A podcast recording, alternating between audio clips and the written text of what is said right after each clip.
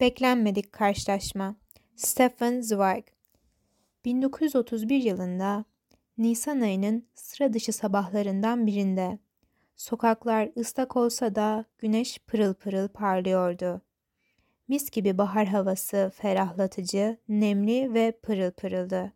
Havada adeta şeker tadı vardı.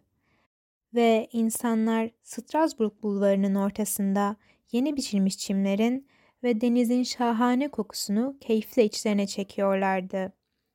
Bu harika atmosfer gökyüzünün patlamasıyla sona erdi. Böyle dengesiz Nisan ayı sağanaklarıyla bahar mevsimi daima bu türden küstah tavırlar sergilerdi.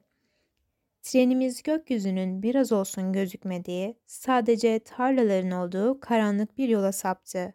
Ancak Mu'ya vardığında, parantez içinde bomboş arazilere gelişi güzel serpilmiş gibi görünen banliyö evleri, engin bir yeşilliğin orta yerine dikilmiş reklam panoları bir bir ortaya çıkarken, kompartımana 14 valizi, şişeleri ve ufak tefek evrak çantalarıyla giren yaşlı İngiliz kadın kendini karşındaki koltuğa bıraktığı sırada. Kitaba dönüş. İperney'den beri bizi takip eden öfkeli, kurşuni ve sünger misali nemli hava kütleleri de bir anda lokomotifimizin içine kadar girdi.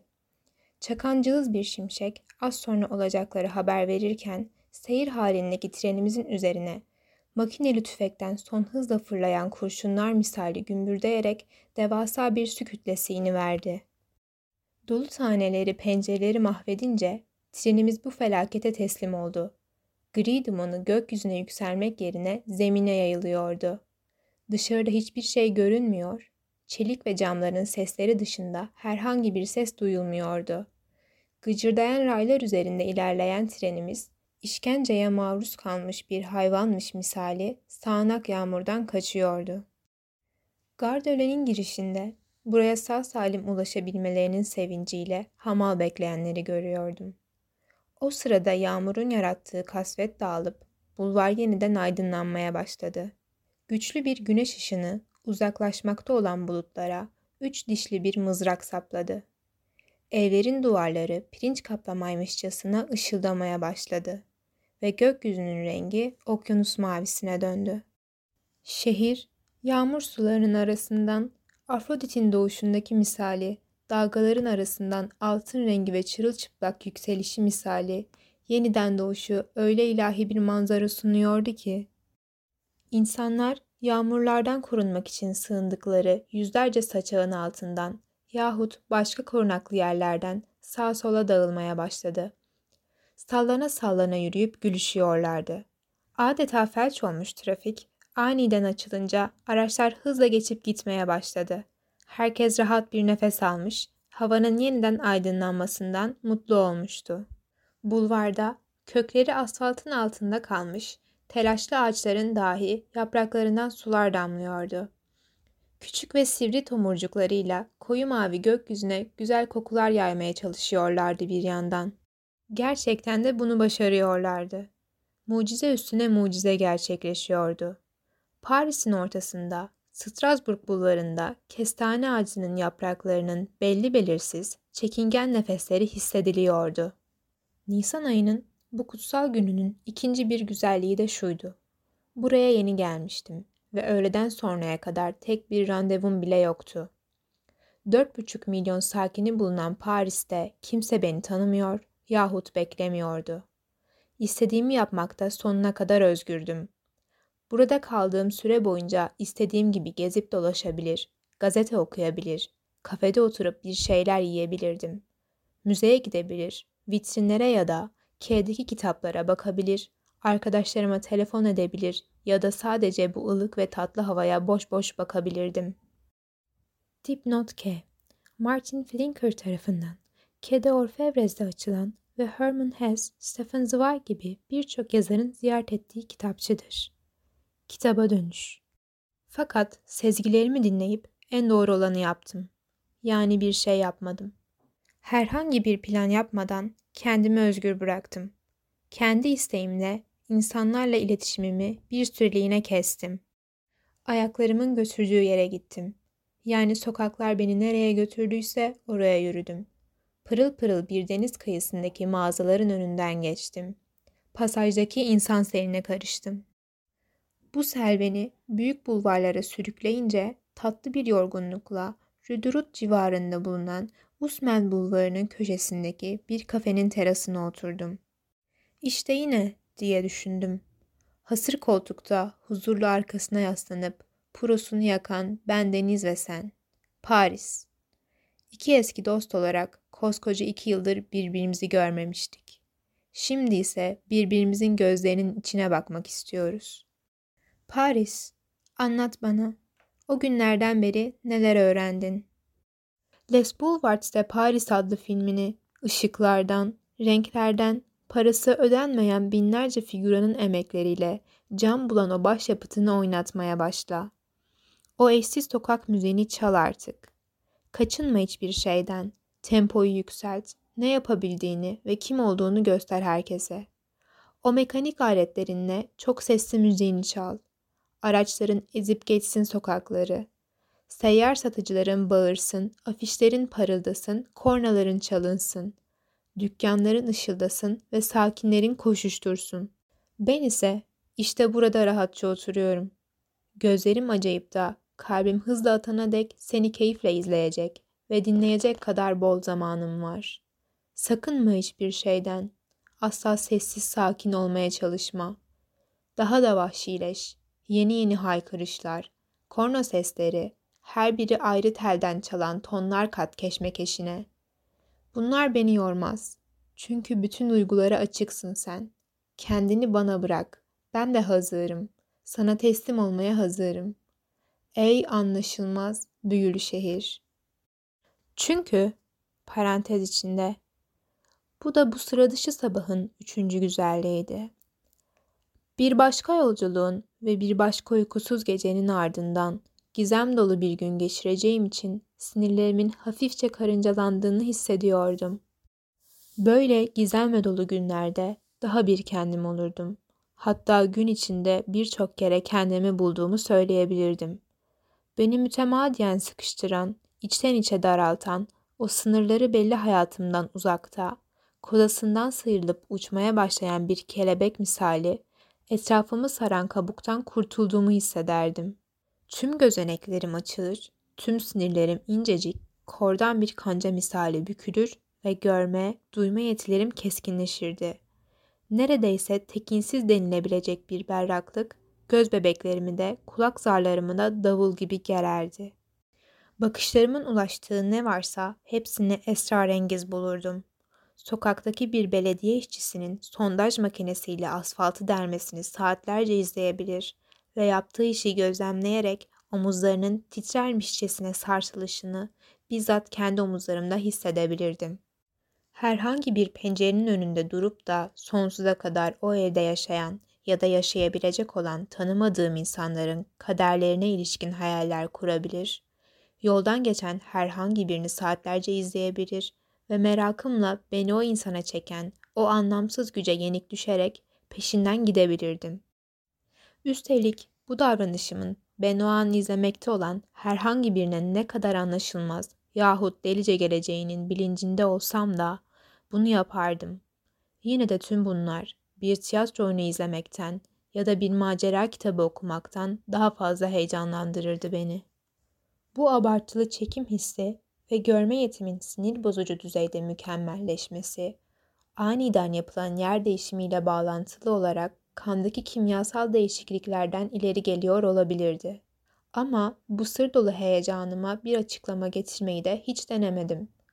Ne zaman bu değişik heyecanı duysam, diğer hayatım ve sıradan geçen tüm günler soluk bir alacakaranlığın ötesinde kalmışçasına boş ve anlamsız gelirdi. Yalnızca böyle anlarda kendimi ve hayatın o muhteşem çeşitliliğini tam anlamıyla hissederdim. Usulca kalabalığın arasına karışıyordu ve bu zanaat hakkındaki bilgilerim şu ana kadar pek fazla araştırmaya konu olmamış sokak hırsızlığı sanatını eksiksiz tanımlamada yetersiz kalsa da ringa balıklarının yumurtalama dönemlerinde olduğu gibi yan kesicilikte de ortamda yoğun bir kalabalığın olması gerektiğinden de haberim vardır. Zaten bu sayede kurbanlar o itiş kakış sırasında çantasını kapacak yahut saatini çalacak olan kişilerin hareketlerini sezemezler. Ayrıca parantez içinde bunu şimdi öğreniyordum. Her insanın değerli eşyalarını korumaya yönelik farkında olmadan büründüğü o tetikte olma halini bir anlığına ortadan kaldıracak olan dikkat dağıtıcı bir şey yapmak doğru bir hamleydi. Bu vakada da dikkat dağıtma unsuru üç maymunun eğlenceli ve karşı konulmaz sevimlilikteki hareketleriydi. Aslında bunlar yeni arkadaşıma yani bu yan kesiciye farkında olmadan yardımcı olan sırıtkan ve çıplak adamlardı bir nevi. Bu keşfim Tanrı affetsin ama beni inanılmaz heyecanlandırmıştı. Zira daha önce hiç yan kesici görmemiştim. Dürüst olmak gerekirse Londra'da geçen öğrencilik yıllarımda İngilizcemi geliştirmek için katıldığım duruşmaların birinde hakimin karşısına götürülürken iki polisin kollarına girdiği kızıl saçlı, şişman bir hergeleyi görmüştüm. Önündeki masada suç unsuru olan cüzdan duruyordu. Birkaç görgü tanığı doğru ifade vereceklerine yemin ettikten sonra hergele ile ilgili bir şeyler anlattılar. Ardından hakim bir şeyler söyledi ve kızıl saçlı hergele salondan çıkarılıp götürüldü. Anladığım kadarıyla 6 ay hapis cezasına çarptırılmıştı. Hayatımda gördüğüm tek yan kesici bu adamdı ama bu noktada şöyle bir fark vardı. O hergelenin yan kesici olduğunu bizzat tespit etmemiştim. Onun suçunu görgü tanıkları ifadeleriyle teyit etmişti ve ben de sadece işin hukuki kısmına tanık olmuştum. Suçun işlenişini görmemiştim. Hırsızlıkla değil, zanlıyla, hüküm giyen biriyle karşı karşıya kalmıştım. Sonuç olarak bir hırsız yalnızca hırsızlık yaparken hırsızdır. İki ay sonra hakimin önüne çıkarıldığında ona hırsız denemez. Tıpkı bir şairin yalnızca şiir yazarken şair sayılması gibi. Birkaç yıl sonra yazdığı şiiri mikrofon karşısında okuduğunda şair sayılmaz. Fail de elbette yalnızca o suçu işlerken faildir. Gel gelelim bir yan kesiciyi mesleğini icra ederken gözetlemek, en kendine has özelliklerini saniye saniye izleme fırsatı yakalamak bambaşkaydı. Üreme ve doğum gibi çok nadiren gizlice gözlemlenebilen bir ana tanıklık ediyordum. Bunun düşüncesi bile beni heyecanlandırmıştı. Böyle muhteşem bir fırsatı kaçırmamakta kararlıydım.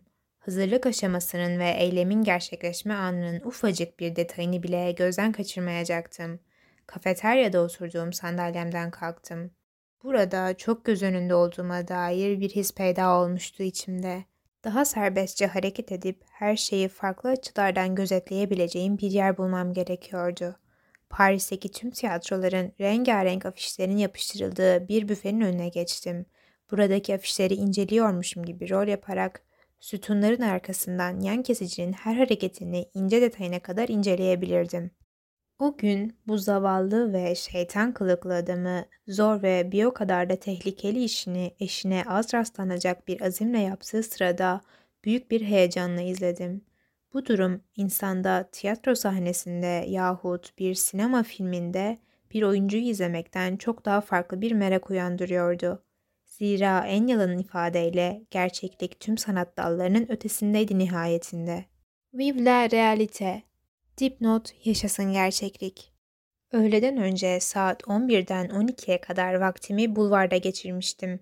Ancak o bir saat su gibi akıp geçmişti sanki. Aralıksız bir gerilimle geçen ufak tefek kararların verildiği, onlarca hadisenin yaşandığı bir saatti bu. Yaşananları saatlerce izleyebilirdim. Gerginlikle dolu ve insanı kumar oynamanın karşı konulmaz tehdidine çekercesine bu işe bağlayan bir saatti. Çünkü o güne kadar yan kesiciliğin bu kadar zor ve sonradan öğrenilmesi neredeyse imkansız bir zanaat olduğunu hayatta tahmin edemezdim.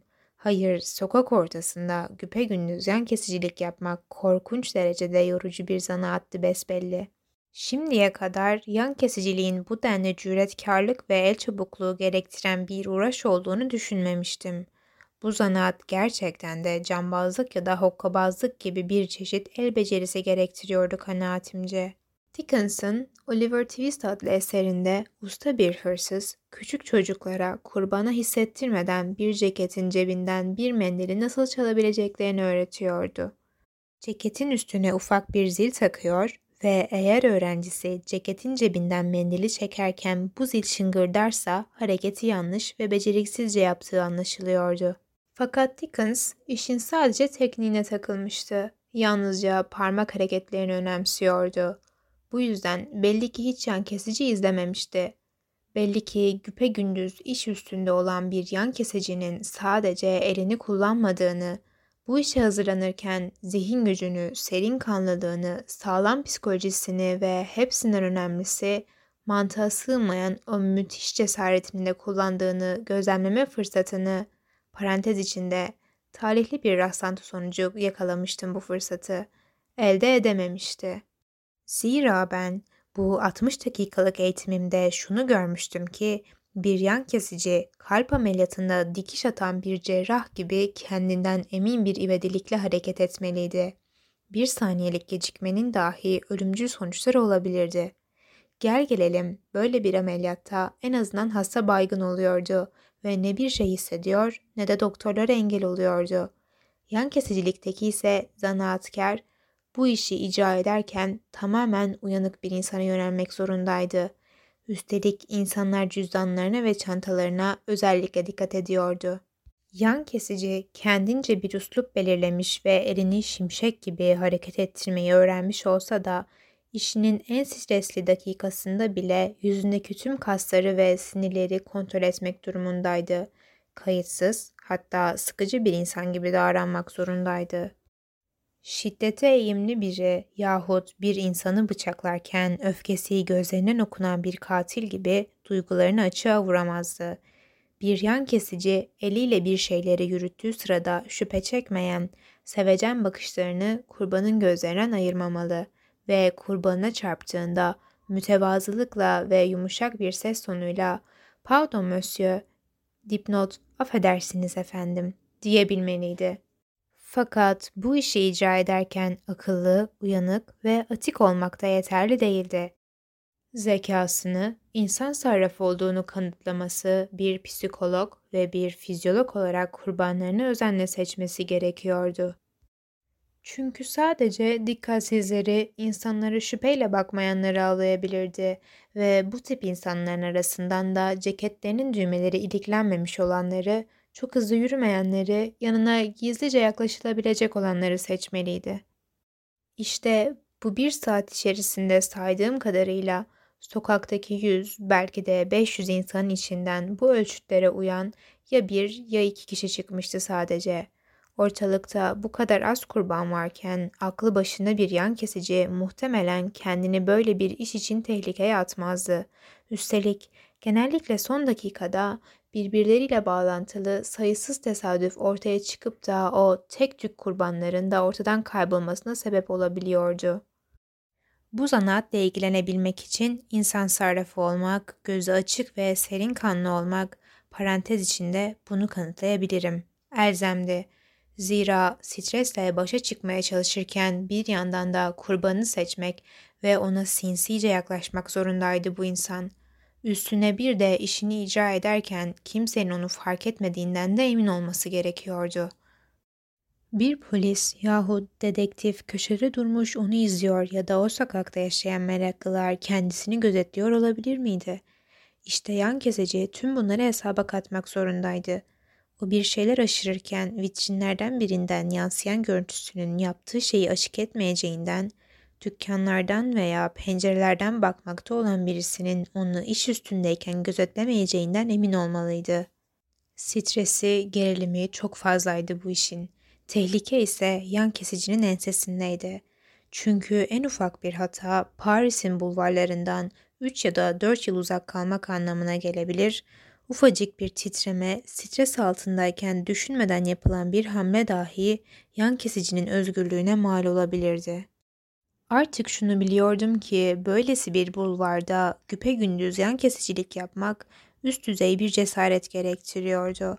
Gazetelerin ufacık bir köşesinde üç satır yazıyla geçiştirilen bu tarz hırsızların diğer suçluların yanında devede kulak kaldıklarının ifade edilmesini ise adaletsizlik olarak görüyordum.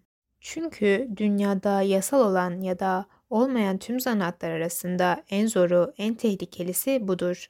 En iyi şekilde icra edildiğinde ise buna sanat dense yeridir.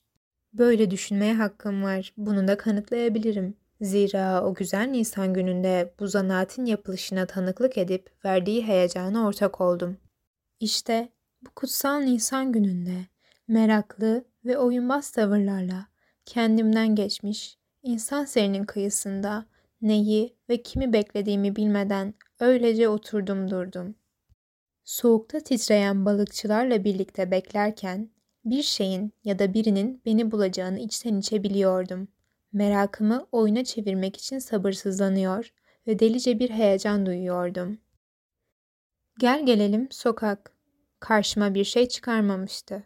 Yarım saat sonrasında ise bu karışıklıkta gözlerim yorulmaya ve şeyleri birbirinden ayıramamaya başladım. Bulvardan geçip giden insanların yüzleri adeta siliniyordu yavaş yavaş. Gözlerim yoruldukça tüm suretler sarı, kahverengi, siyah, gri şapkalar ve berelerden oluşan belli belirsiz bir sele dönüşmüş, boş ve abartılı makyajlar yapılmış suratlar ise giderek renksizleşip griye çalarak bu insan denizinin kirli suyunu oluşturur hale gelmişlerdi. Hafifçe sarsılan kamerayla çekilmiş kalitesiz bir film izlemişim gibi bitkin düşmüştüm. İşte o an oradan kalkıp gitmek istedim. Ancak tam da bu sırada bunu düşündüğüm saniyede onu gördüm. Bu basit vesileyle gözlerimin mütemadiyen o yabancı adamın olduğu yere kaydığını fark ettim. Yarım saat boyuna gözlerimin önünden akıp geçen insan seli içerisinde binlerce suret gelmiş geçmiş ve hepsi de aceleleri varmış gibi hareket etmişti. Hatta bazıları selin akıntısına kapılmış gibiydi. Ancak bu adam sürekli aynı yere geliyordu. Zaten onu da bu yüzden fark etmiştim.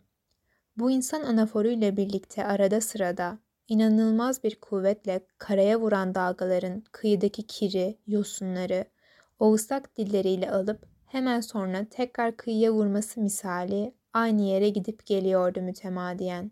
Gözlerini kısmış, etrafa tuhaf tuhaf bakıyordu. Bu Hacı Yatmaz elbette ki tarihi yahut turistik bir nesne değildi. Sıska bir vücudu vardı ve üzerinde çirkin, kanarya sarısı, kendi vücuduna göre dikilmediği her halinden anlaşılan yazlık bir ceket bulunuyordu. Elleri ceketinin gürünç denecek kadar uzun kollarının arasında kaybolmuştu. Kanarya sarısı rengiyle bu fare suratlı, soluk benizli ve hatta dudakları dahi içe göçmüş, dudaklarının üzerinde korkudan titriyormuş gibi görünen sarı bıyıklı adamın üzerinden dökülüyordu resmen. Bu kötücül kılıklı yoksul adamın üzerindeki her şey sallanıyordu. İnce bacakları ve biçimsiz omuzlarıyla düşünceli ifadelerin okunduğu yüzler arasında bir sağa bir sola gidiyor, ara sıra bu anaforun içinde çaresizce durup araba farı görmüş tavşan gibi şaşkın şaşkın yukarı bakıyor, etrafı kokluyor, ardından başını eğiyor ve tekrar kalabalığın içinde kayboluyordu. Ayrıca parantez içinde dikkatimi çeken ikinci şey de buydu. Bu eski püskü kıyafetlere bürünmüş adamcağız Gogol'ün bir romanındaki dar görüşlü, hantal memura benziyordu. Zira aceleyle yetişecekleri yere koşturan insanlardan bazılarının sokağın köşelerinde sefir bir halde bekleyen bu adama çarpıp geçtiklerini iki üç kere hatta dört kere görmüştüm. Ancak bu durum adamı pek rahatsız ediyor gibi görünmüyordu. Mütevazılıkla kenara çekiliyor, ezilip büzülüyor ve sonra yeniden kalabalığa karışıyordu. Yarım saat içinde on, belki de on iki kez aynı döngü yaşandı. İşte o anda ilgimi çekmişti.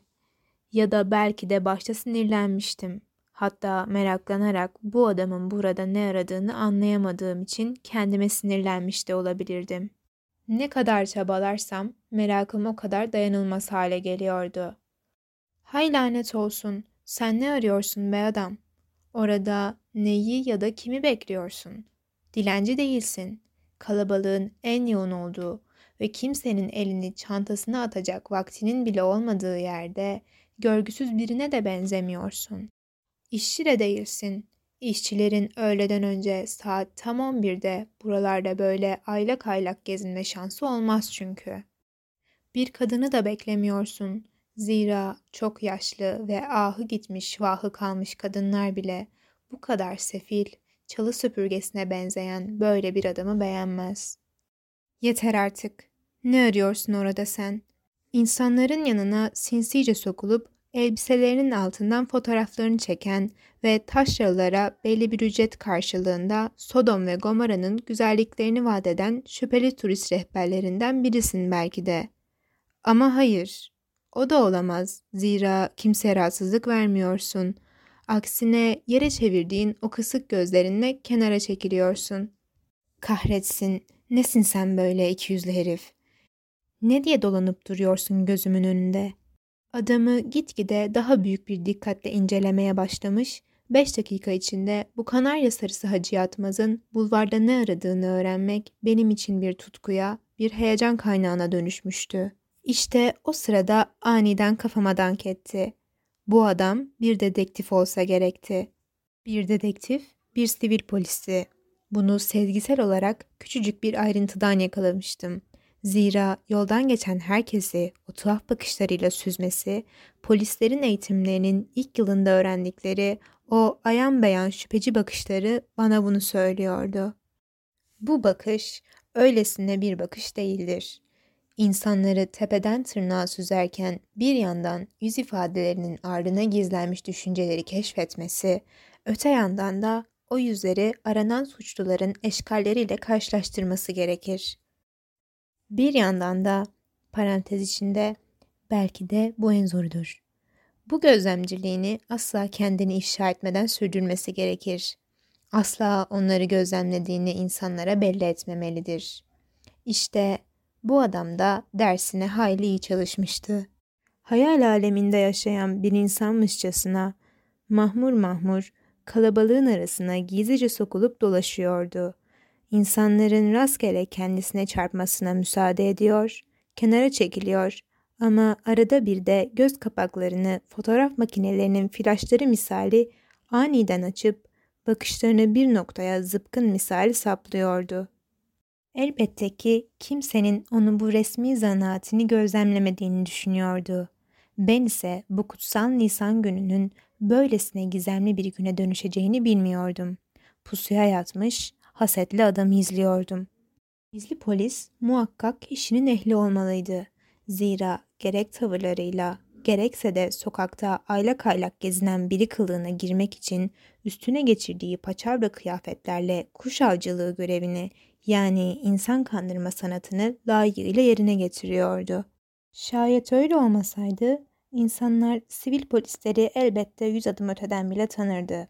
Çünkü bu beyefendiler resmi görevlerinin kendilerine kazandırdığı o heybetli duruşu tamamen kaybetmemek adına kimin kılına gireceklerine bir türlü karar veremez ve yoksulluğun insanların omuzlarına yıllarca nasıl yük olup bel büktüğünü korkuyla sindirilip ezilmenin ne demek olduğunu asla tasavvur edemezlerdi. Fakat bu adam bir serserinin yaşadığı sefaleti son derece başarıyla canlandırıyordu. Aylaklık maskesini yüzüne tam oturtmuştu. Kanarya sarısı ceketi, kafasına düz durmayan fakat paçaları iplik iplik olmuş pantolonuna rağmen yine de kendisine nispeten şıklık katan kahverengi şapkası ve üzerindeki o çirkin önlükle inanılmaz acınası bir görüntü çiziyordu. Ancak aslında ruhsal açıdan ne kadar da sağlıklıydı. Eğitimli bir insan avcısı olarak yoksulluğun, bu aç gözlü farenin ilk önce insanların kıyafetlerini kemirdiğini biliyor olacak ki, bu şekilde sersefil giyinmişti. Aç olduğunu açık eden yüz ifadesi, İçerisinde aynı renklerde bir iki kıyafet bulunduğu her halinden anlaşılan gardırobuyla kusursuz bir uyum içindeydi. İncecik bıyığını parantez içinde muhtemelen takma bıyıktı. Berbat tıraşını alabildiğine yapayca karman çorman edilmiş saçlarını gören herkes bu şeytan kılıklı adamın geceyi bir bankta ya da karakolda geçirdiğine yemin edebilirdi.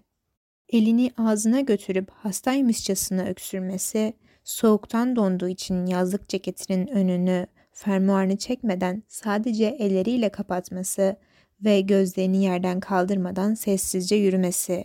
İşte tüm bu detaylarla bu dönüşüm sanatçısı ilerlemiş veremin varlığını kusursuzca hissettiriyordu. Şunu söylemekten hiç utanç duymuyorum. Her ne kadar gökyüzünün masmavi olduğu ve sıcacık bir Nisan güneşinin etrafı aydınlattığı böyle kutsal bir günde emeklilik yaşı gelmiş bir devlet memurunun kılık değiştirerek zavallı bir insanı bu ışıl ışıl ilkbahar havasından alıp da tecride götürmek için avcı gibi gezinmesini alçakça bulsam da resmi görevdeki bir gözlemci polisi gizlice izlemek gibi müthiş bir fırsat yakaladığım için çok heyecanlanmıştım. Adamı gizlice takip etmek gerçekten çok heyecan vericiydi. Gözlemlerken her an daha fazla geriliyor ve keşfettiğim her yeni ayrıntıda çok mutlu oluyordum. Gel gelelim bu keşfetme sevincim bir anda güneşte çözünen buz tutmuş toprak misali eriyiverdi. Zira verdiğim hükme uymayan bir şey vardı. Bu adamın gerçekten de bir dedektif olduğundan çok da emin değildim artık. Aylak aylak gezinen bu tuhaf adamı daha da büyük bir dikkatle mercek altına aldıkça şüphelerim güçleniyordu. Ayan beyan gözler önünde olan bu sefillik bir polis kurgusu olamayacak kadar gerçekti. Şüphelendiğim ilk detay gömlek yakalarıydı. Hayır, bu kadar kirli bir şeyi kimse çöplükten alıp da boynuna takmazdı. Bir insan böyle bir şeyi ancak çaresizse ve sefaletin göbeğine düşmüşse üzerine geçirebilirdi. İkinci uyumsuz detay ayakkabılarıydı. Tabii bu acınacak haldeki paçavralara ayakkabı denebilirse. Sağ çizmesinde balcık yerine kalın iplikler vardı. Soldakinin tabanı ise her adım attığında kurbağa ağzı misali açılıp kapanıyordu.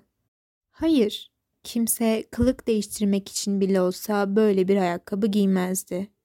Apaçıktı ki ortalarda gezinip duran bu bostan korkulu adam bir polis değildi. Yanlış bir değerlendirme yapmıştım. Peki polis değilse neydi bu adam?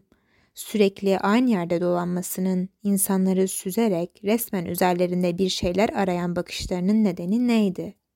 Onun ne gibi gizli bir amacı olduğunu öğrenemediğim her an sinirlerim daha da bozuluyor. Neredeyse yanına giderek adamı omuzlarından yakalayıp ''Ne istiyorsun sen be adam? Burada ne arıyorsun?'' diye soracak duruma geliyordum. Gel gelelim Birdenbire silahın ateş alması gibi ani bir durum kafama dank edince yerimden sıçradım. Artık doğru tahminde bulunduğumdan neredeyse emindim. Bu defa her şeyi çözmüştüm. Her şey apaçık oradaydı. Aksi mümkün değildi. Bu adam gerçekten de bir dedektif değildi. Nasıl bu kadar saf olabilmiştim? Bu adam tabiri caizse polisin tam tersiydi. Bir yan kesiciydi. Bu işi meslek edinmişti ve gerçek bir suçluydu. Bulvarda cüzdanların, saatlerin, çantaların ve gözüne kestirdiği diğer ganimetlerin peşine düşmüş bir hırsızdı. Kalabalığın en yoğun olduğu yerlerde insanların arasına karışıp hızla yabancılara yaklaştığında ve onlara görgüsüzce yakın durduğunda adamın hangi zanaatla ilgilendiğini derhal çözmüştüm. Durum gittikçe daha da netleşiyordu üstelik. Zira vitrinin korunması için özel bir düzenek yaptırmış, akıllı bir dükkan sahibi onu fark etmesin diye bu zanaatini icra edeceği yerleri kafeteryanın önü yahut kavşaklara yakın noktalardan seçiyordu. Bahsi geçen dükkandaki satılan ürünler aslında kısmen dikkat çektikleri söylenebilecek Hindistan cevizi, Türk şekerlemeleri, renkli karameller gibi şeylerden oluşuyordu.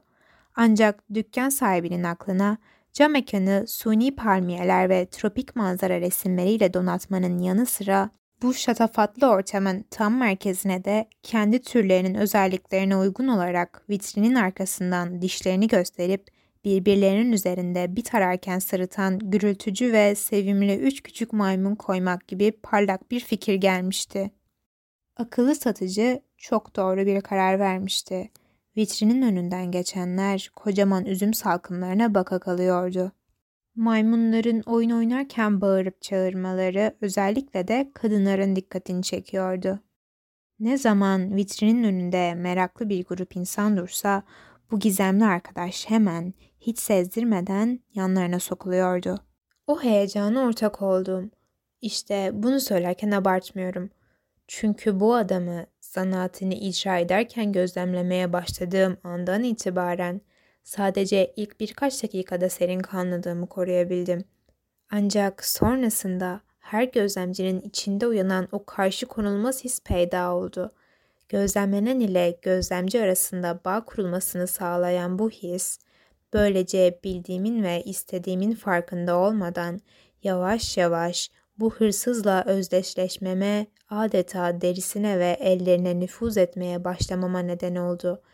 Bir dakika önce yalnızca bir gözlemciyken, bir dakika sonrasında onun manevi suç ortağına dönüşmüştüm. Bu dönüşüm süreci gözlemlemeye başladıktan 15 dakika sonra hayret uyandıracak şekilde yoldan geçenleri kurban olabilecekler yahut olamayacaklar şeklinde sınıflandırmaya koyulmamla başlamıştı. Ceketinin düğmeleri ilikli mi yoksa değil mi? Dalgın mı görünüyor yoksa gözü açık mı? Çantası dışarıdan bakınca iyi şeyler vaat ediyor mu?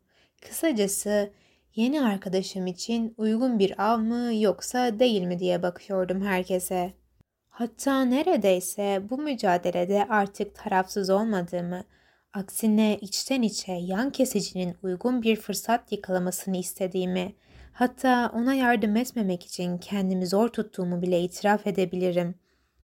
Olası bir kurbanı fark etmediğinde bir kumar oyununu izlerken oyuncuyu hafifçe dürterek ona doğru kart hakkında tüyo veriyormuşum gibi yeni arkadaşıma kaş göz yaparak ona işaret vermek geliyordu içimden. Gitsene şuraya, şu elinde kocaman bir buket tutan şişman adamın yanına işte.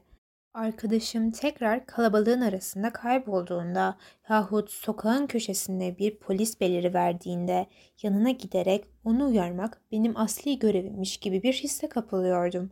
Zira onunla birlikte ben de yakalanacakmışım gibi korkudan dizlerim titriyordu.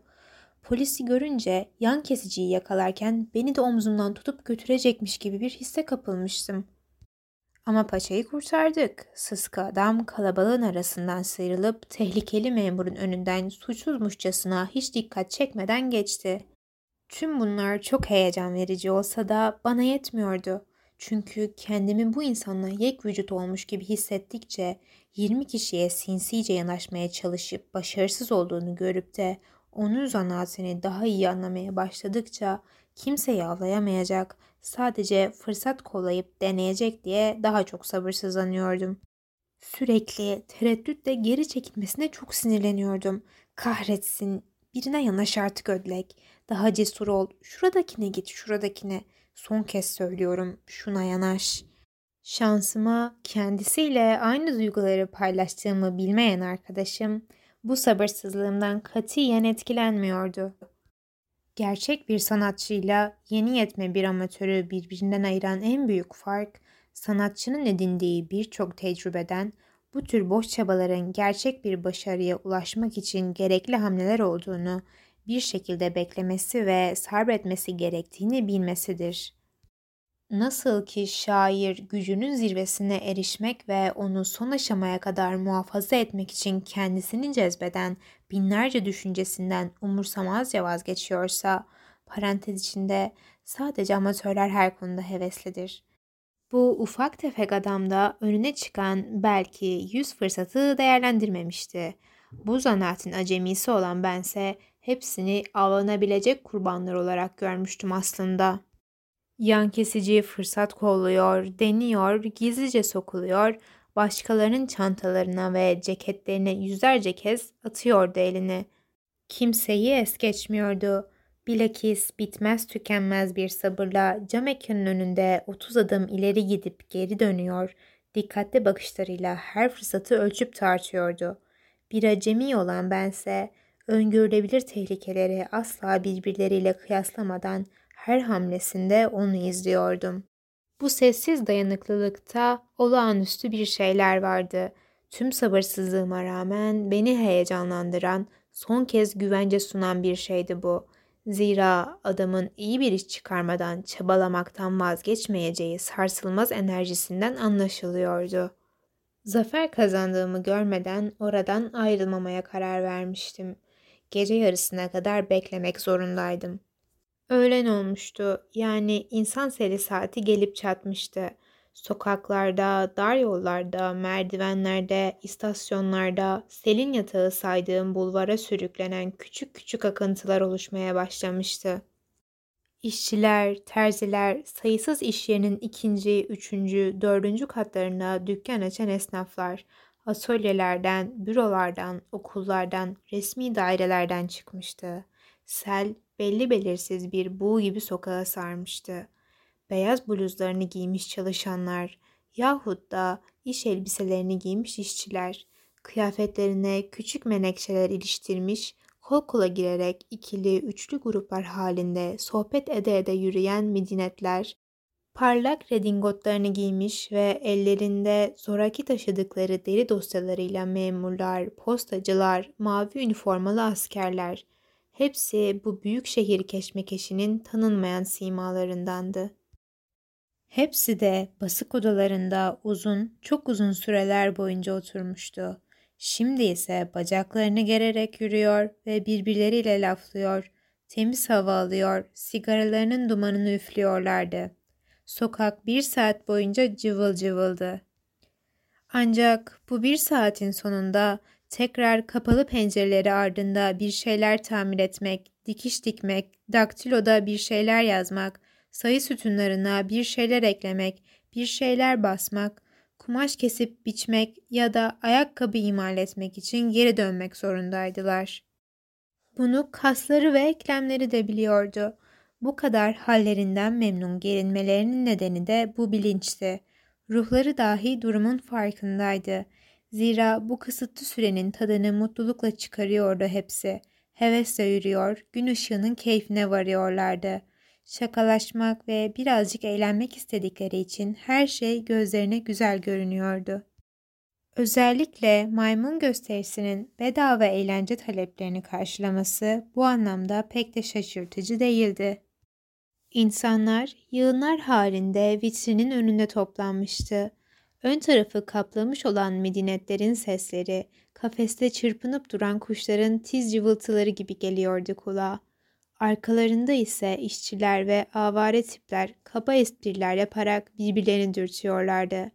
Kalabalık çoğaldıkça kanarya sarısı ceketli Japon balığı dostum da daha neşeli ve daha seri hareketlerle suya dalıp kalabalığın yoğunlaştığı yere doğru yüzmeye başladı. Artık bu şekilde hareketsizce gözetleme yerimde duramazdım. Artık parmaklarını yakından izlemeli, bu zanaatin insanın yüreğini ağzına getiren asıl heyecanının tadına varmalıydım.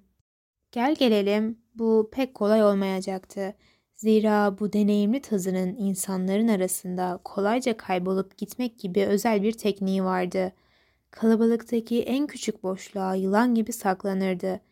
Birdenbire yanımda sakince dikildiğini gördüm. Sonra hemen gözden kayboldu. Göz açıp kapayıncaya kadar vitrin önüne ulaşmıştı. İlk 3-4 sırayı tek hamlede geçmiş olmalıydı. Elbette ben de peşinden gittim.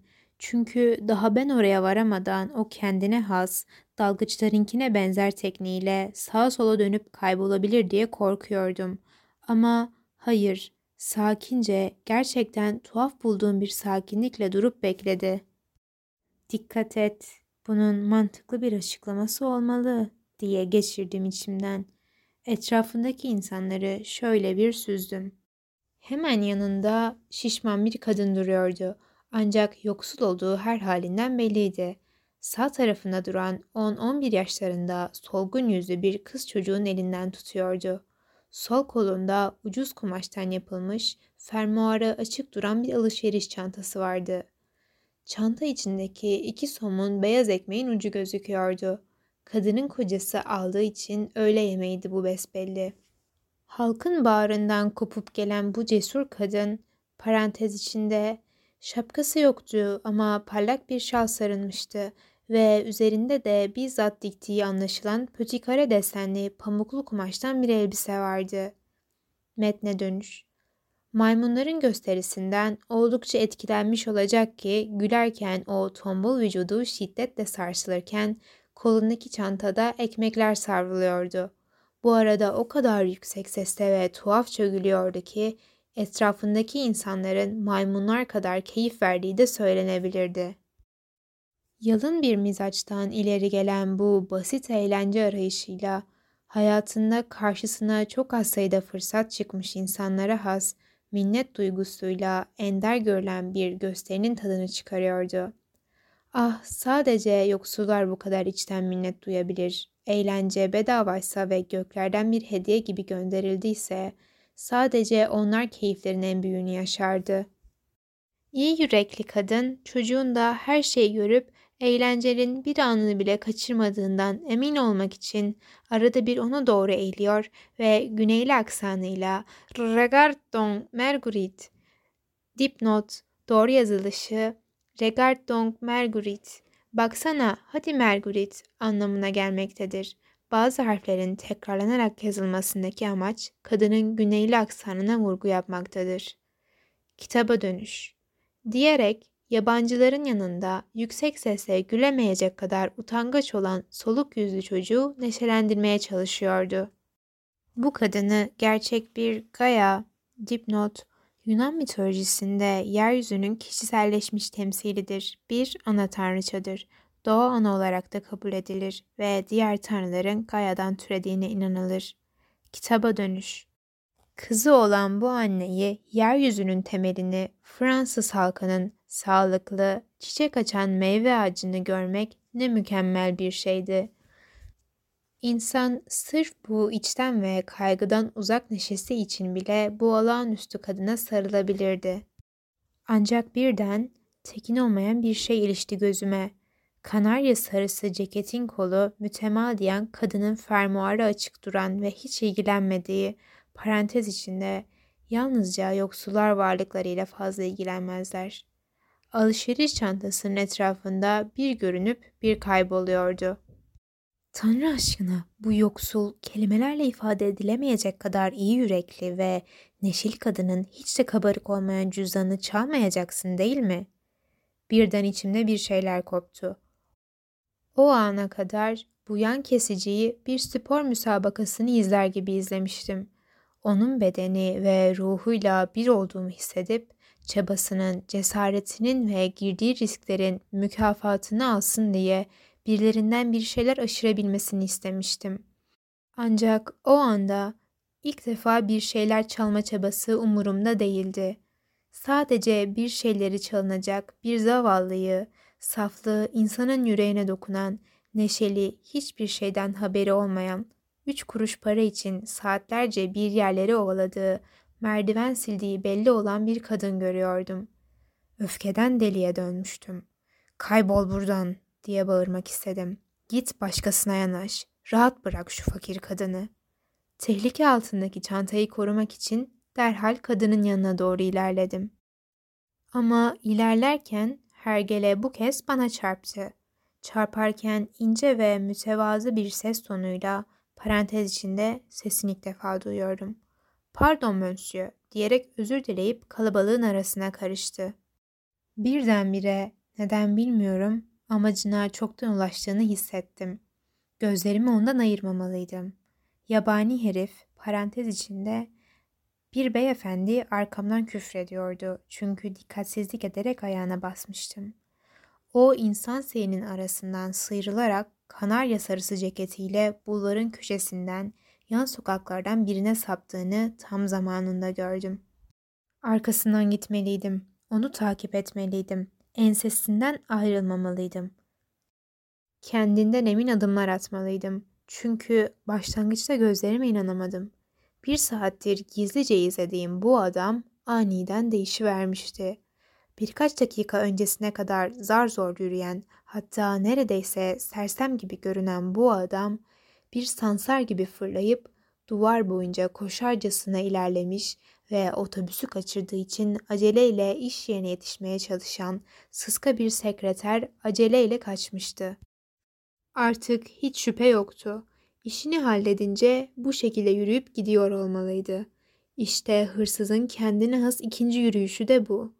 Mümkün olduğunca hızlı hareket ederek olay yerinden uzaklaşmak için koşturmaktı. Evet, gerçekten artık hiç şüphe yoktu. Adi herif o yoksul kadının cüzdanını çalmıştı.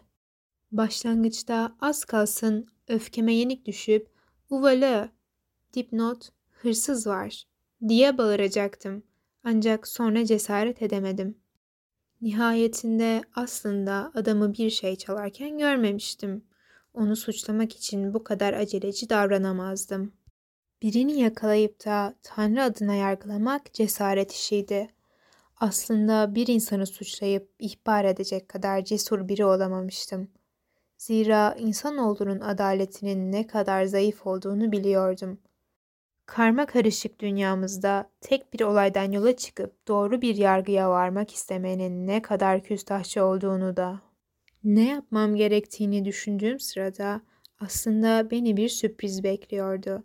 Çünkü birdenbire iki sokak ötede bu hayret edilesi adamın kendine has üçüncü yürüme şeklini gördüm.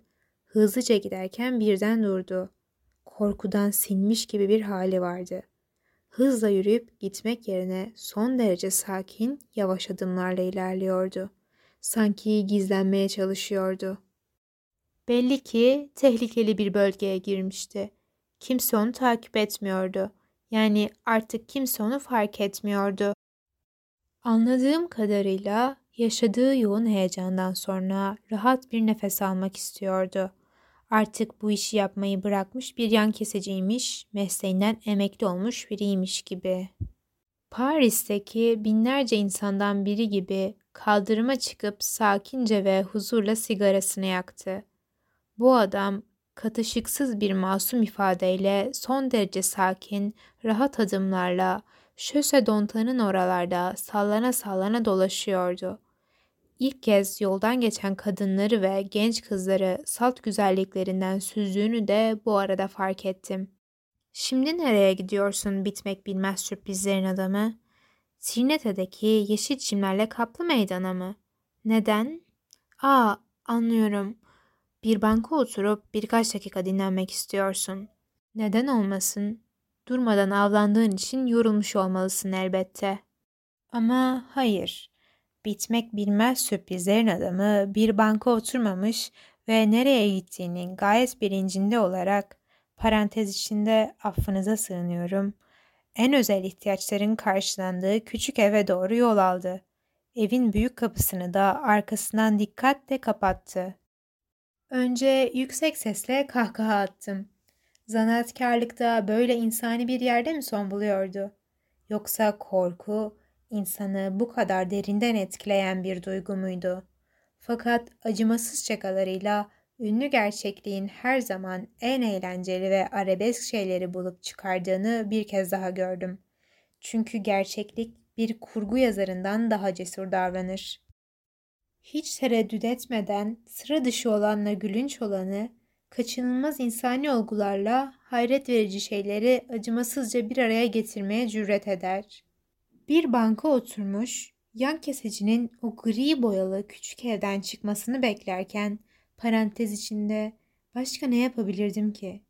Bu zanaatte kendini eğitmiş, tecrübeli bir ustanın yaptığı işin mantığa istinaden ganimetlerini güvenle gözden geçirmek için bir dört duvara ihtiyaç duyması gerektiğini fark ettim. Çünkü parantez içinde bu daha önce aklıma gelmemişti. Bizim gibi acemiler hırsızlık mesleğinin zorluklarını göz ardı edebilir.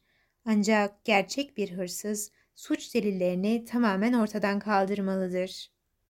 Milyonlarca gözü açık insanın yaşadığı, asla uyumayan bu şehirde bulunamayacak hiçbir şey yoktur. O şey tamamen korunaklı ve güvenli duvarların ardında saklansa dahi durum budur.